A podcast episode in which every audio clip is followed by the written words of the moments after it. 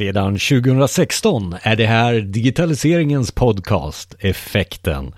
Välkommen till oss. Jag är Jonas Jani och tillsammans med Micke Nobäck så gör vi den här podden som handlar om digitaliseringen ifrån olika ämnen. Och vad är det vi springer till just nu då? Eh, för det är väl så att det händer väldigt mycket och det är väldigt mycket ämnen som kan bli aktuella under en kort tid. Och det här med molntjänster, det är någonting som vi har pratat om i några år och många är klara med att flytta upp till molnet eller anamma molntjänster eller överhuvudtaget förstå vad cloud går ut på. Men vad är nu nästa steg?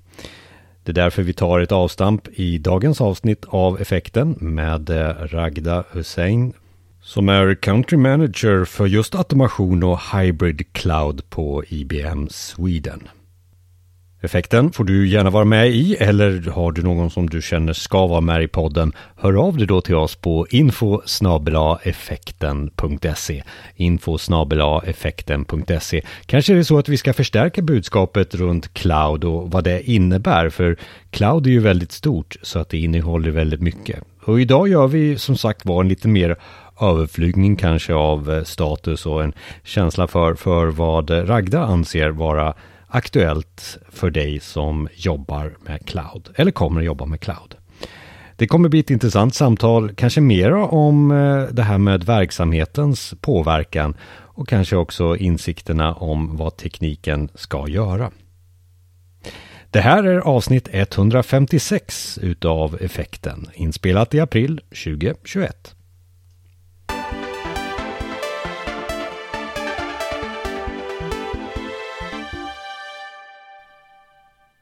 Då effekten återigen då är nyfiken på moln så tar vi oss närmare Ragda. Ragda, vi måste ta det här igen då. vad är cloud och vad är cloud för dig? Ja, absolut Jonas. Jag har haft förmånen under de senaste åren att jobba med molnet cloud på olika sätt. Dels publika molnet och dels privata molnet. Och cloud för mig är ju egentligen en accelerator, ett verktyg för att uppnå vissa redan uppsatta affärsmål. Om vi tittar historiskt så har man eh, kanske fokuserat lite mer på kost eller kostnad och varför cloud kan vara ett sätt att skära ner kostnader. Jag tror jag ser mer och mer trender just nu senaste åren och nu framåt att man tittar på cloud som en accelerator för innovation och snabbhet med målsättningen att snabbare komma till marknaden med nya tjänster och nya produkter. Så då kan jag väl nästan uppfatta det som att det kanske har varit väldigt mycket teknik men nu är det mera verksamhet. Är det, är det så jag tolkar eh, också ditt eh, inledande svar här? Jag tror verkligen det. Eh, nu, med det så säger vi inte såklart att, att det är mindre infrastruktur nu, men det är mer och mer verksamhet som blir nyfikna av cloud. Dels för den graden av elasti elasticitet den ger att hantera pikar eh, och eh, täcka behovet när den väl dyker upp. Men också cloud har blivit en marknadsplats där flertalet av partner och innovatörer lägger sina tjänster på molnet för att göra den tillgänglig för slutanvändarna. På så sättet har verksamheten blivit mer och mer relaterad av molnet. Men vi ska komma ihåg också största användningsfallet av cloud tror jag kommer fortsatt vara det här med automation. Automation genom att automatisera byggandet och driften av infrastrukturen som ger skalbarheten som affärssidan behöver för att kunna komma snabba, snabbt framåt. Har man varit fokuserad på att spara kostnader då också eh, tidigare tror du? Jag tror verkligen att hela början till behovet av cloud har varit där. Att man sätter som ett sätt att få infrastruktur till billigare kostnad. Eh, men många har kanske gått till lite längre och sett att man har eventuellt med en skugga av sin IT. Lika mycket på molnet som hemma. Eh, och nu börjar man tänka på andra sätt. Att fundera lite mer ordentligt på vad ska jag lägga ut och vad ska stanna on-premise som det kallas. För att kunna effektivisera sin business. Både kostnadsmässigt men också från innovationssätt liksom, att se på det. När du och jag pratade innan här så pratade du om att du, du ser det också som fem acceleratorer. Vilka är de? Absolut, jag börjar faktiskt med kanske den som man tänker minst på.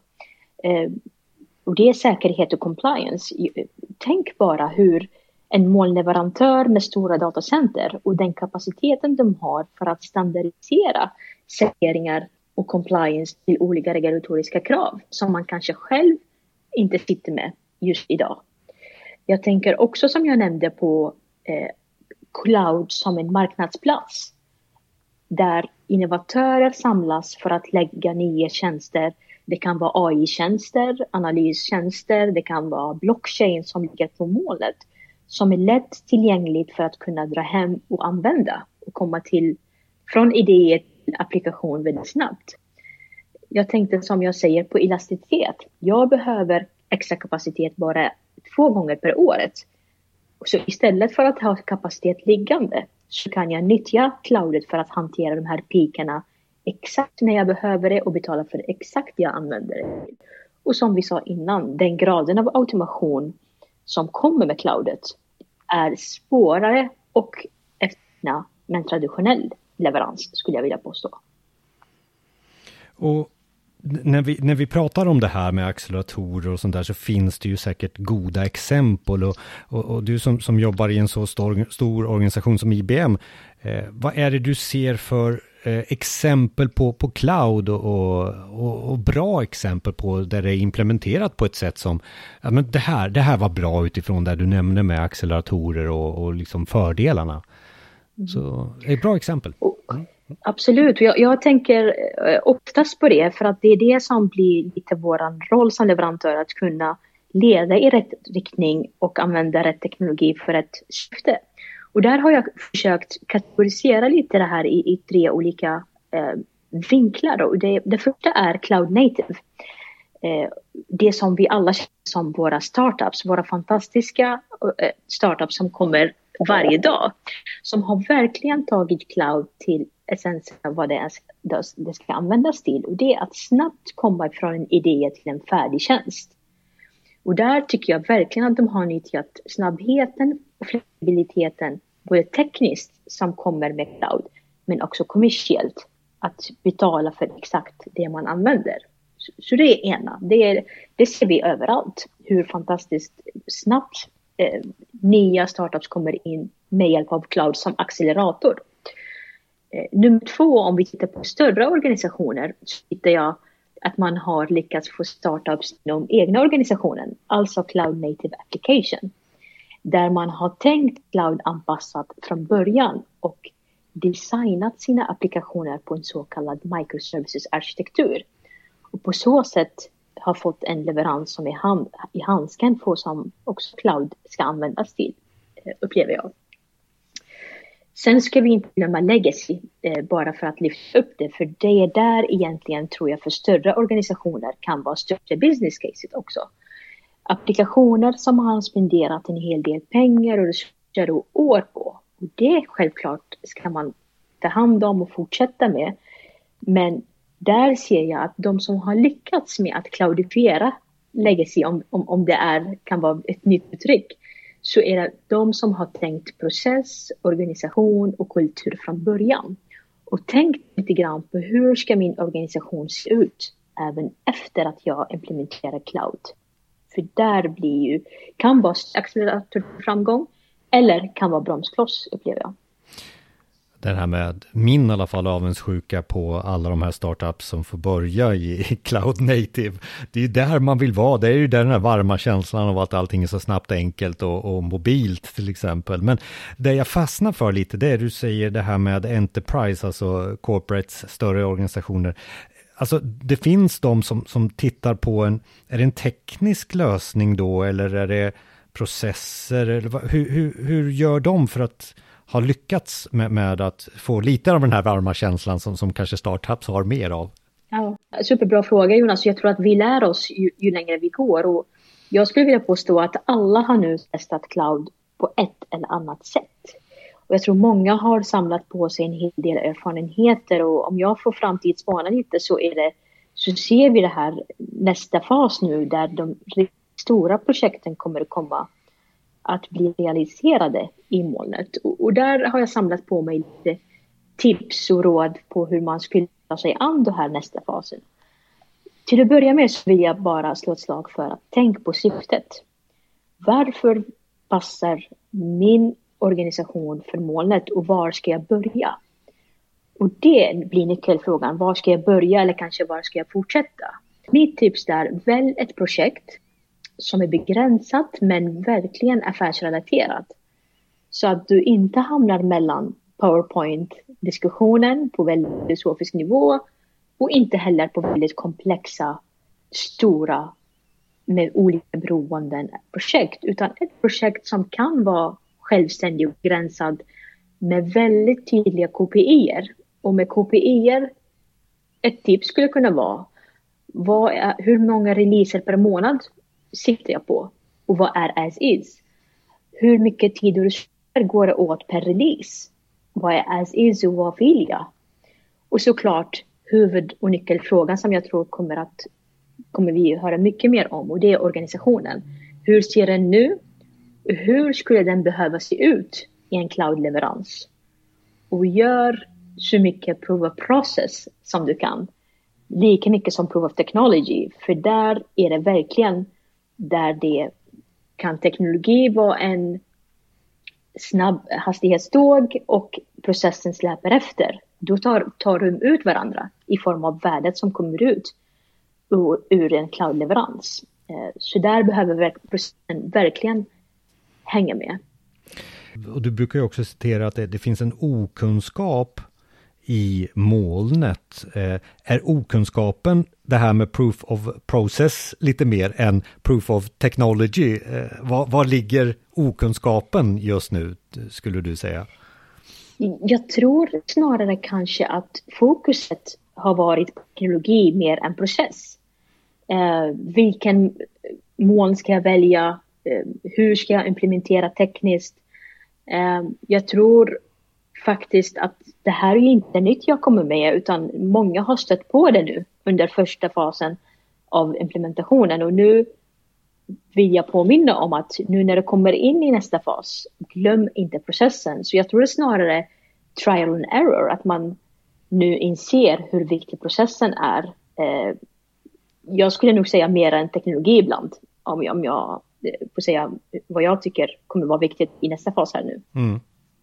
Ja, för vi är inte färdiga i, i, tekniken heller. Alltså du nämnde till exempel mikrotjänster.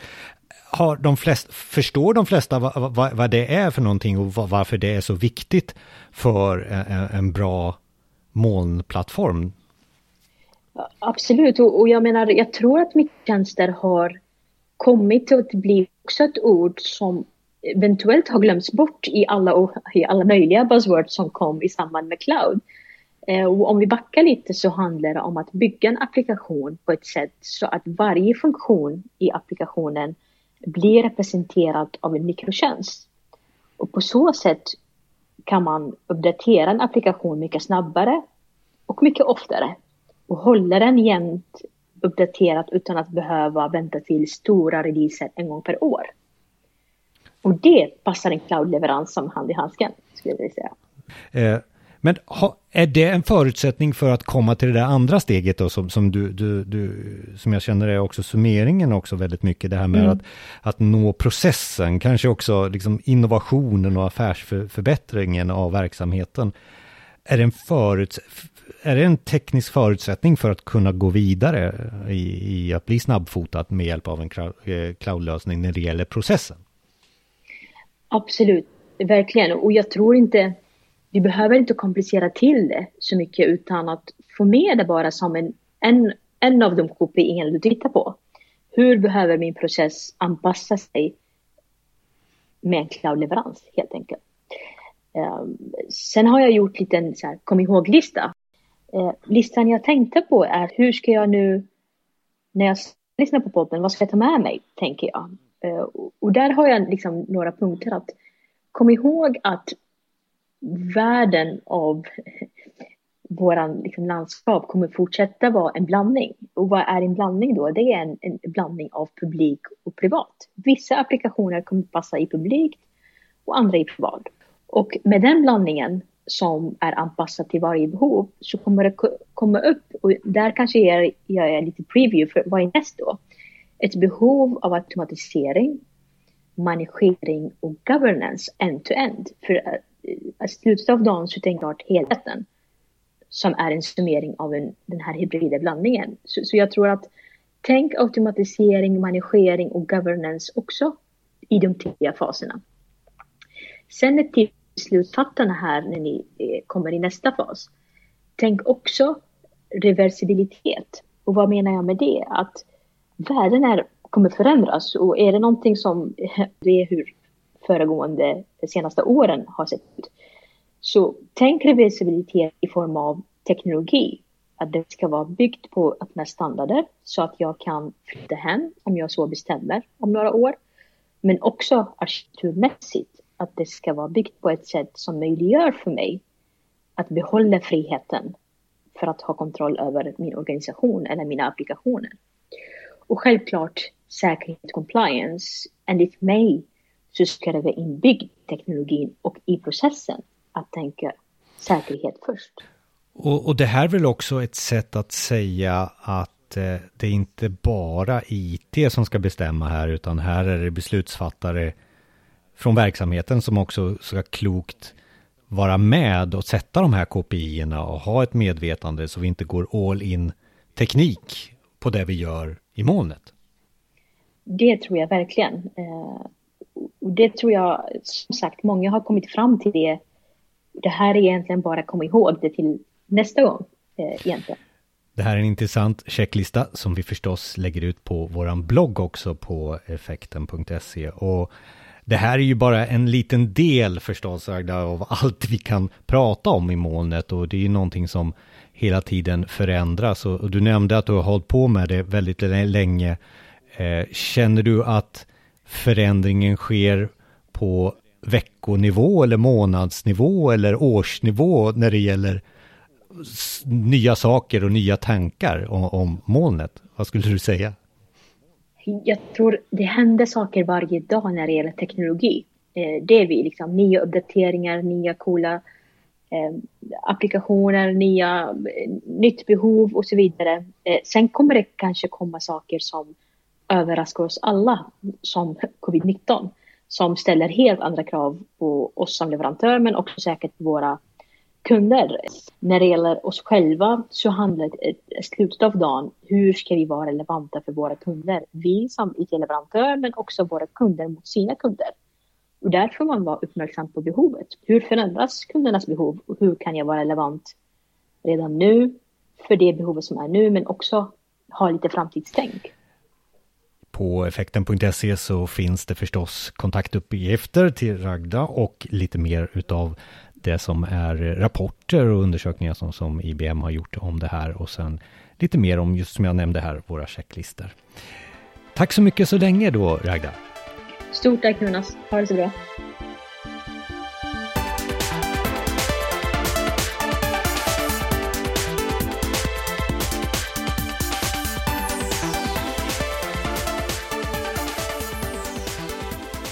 När det gäller digitalisering så finns effekten på effekten.se och vi finns också för en plattform för att diskutera detta eh, ämne på bland annat LinkedIn. Sök på effekten. Eh, och i de flesta podcastkatalogerna hittar du oss, som till exempel Spotify och Apple Podcasts. Och just Apple Podcast får du gärna gå in och redan nu då recensera podden och kanske också skriva en kommentar och fråga oss där.